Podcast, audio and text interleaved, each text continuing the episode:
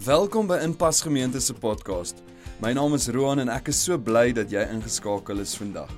Luister saam na 'n inspirerende boodskap oor die persoon van Jesus en sy liefde vir jou. As ons jou op enige manier kan dien of bystaan, maak asseblief kontak met ons. Ons webtuiste is die maklikste manier om dit te doen.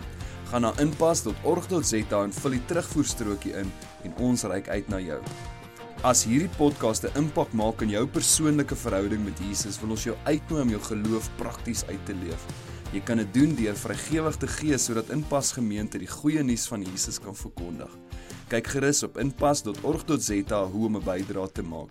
En nou, sit gerus terug en geniet die boodskap.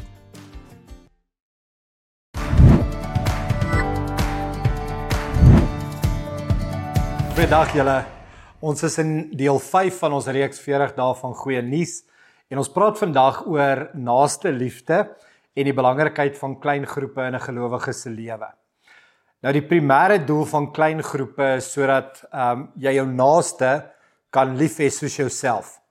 En so 'n gemeenskap bestaan net waar daar lewens is wat met mekaar gedeel kan word. Scott Peck skryf die volgende oor gemeenskap.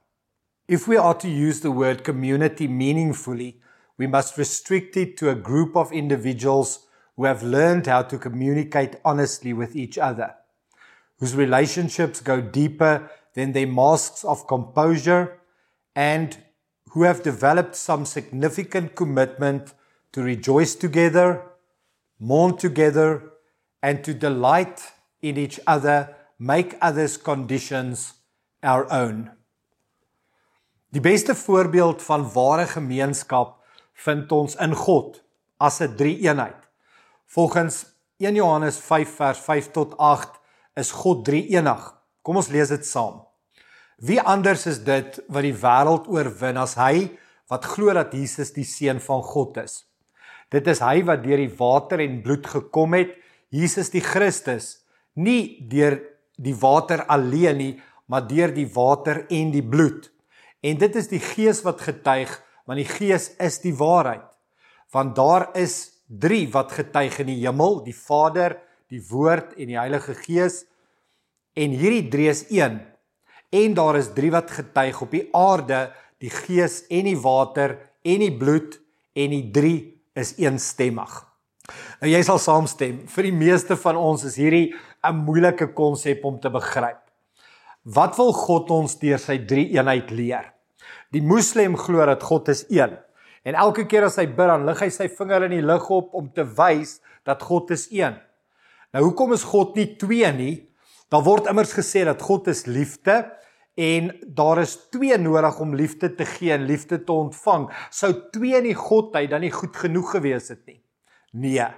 Uh, God het die voorbeeld kom wys. God is 3 en daaruit ontdek ons 'n groot en 'n diep waarheid.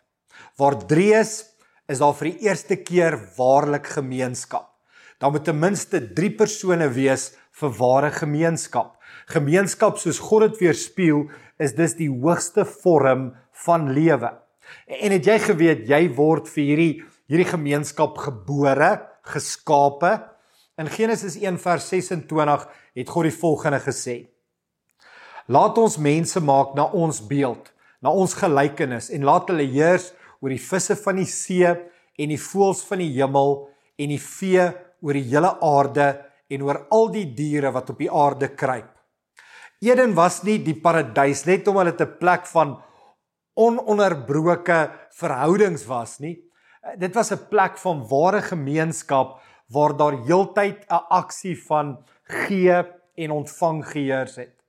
Ons besef hoe hoog God gemeenskap ag wanneer hy aan die mens die vryheid gee om sy eie besluite te kan neem. 'n Gemeenskap is altyd 'n vrye keuse sonder dwang want ons is deur God daarvoor geskape. God se beeld in die mens plaas 'n begeerte in hom na ware lewensvervullende gemeenskap soos daarin God is. Gemeenskap is 'n tema wat reg deur die Bybel loop. Klein groepe was nog altyd 'n integrale deel van die vroeë kerk se struktuur gewees. Eh, dit was klein genoeg om individuele lede die geleentheid te gee om mekaar te bedien, hulle geestelike gawes te gebruik en om 'n disipel van Christus te wees.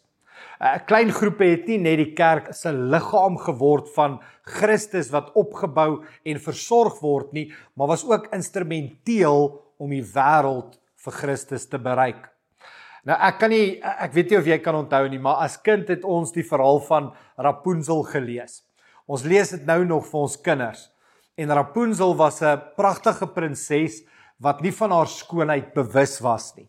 Onthou sy was toegesluit in die toring.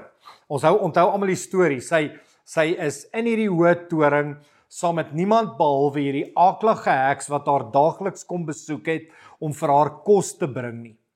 En Rapunzel het nie die waarheid oor haarself geken nie, want in die eerste plek, sy was 'n gevangene van iemand aaklags. 'n Al gesig wat sy gesien het, elke dag was die gesig van hierdie heks gewees. En tweedens, daar was geen spieël waarin sy haar skoonheid en haarself kon sien nie. Nou daar's 'n sekere 'n saak van my en jou wat die waarheid is oor ons wat wonderlik is. Eienskappe van ons wat ons nie eens besef nie. Um wat ons sukkel om te glo. En die rede hoekom ons dit nie kan aanvaar nie is die aakligheid wat ons omring. Hoe sal jy dan die waarheid oor jouself kan ontdek? oor dit wat God vir jou gedoen het, dit wat hy besig is om te doen, hoe ver hy al in jou lewe gekom het. Jy het nodig om iets anders as die aakligheid te sien. Ek en jy het 'n spieël nodig of spieëls nodig. Nou hier's wat Jesus kom doen het, die prins van vrede. Hy het gekom om ons te red uit die toring waarin ek en jy gevange gehou is. Maar hy het met sy wysheid en sy koninklikheid het hy besluit om die leer waarmee hy teen hierdie toring gaan opklim mense te maak. Dis die mense rondom my en jou. Hulle is die spieëls van God se waarheid en julle dis waaroor klein groepe handel. Ek hoop julle geniet nou julle tyd om saam te gesels en die vrae te beantwoord en hierdie is regtig 'n lekker onderwerp. En onthou om saam te bid as 'n groep.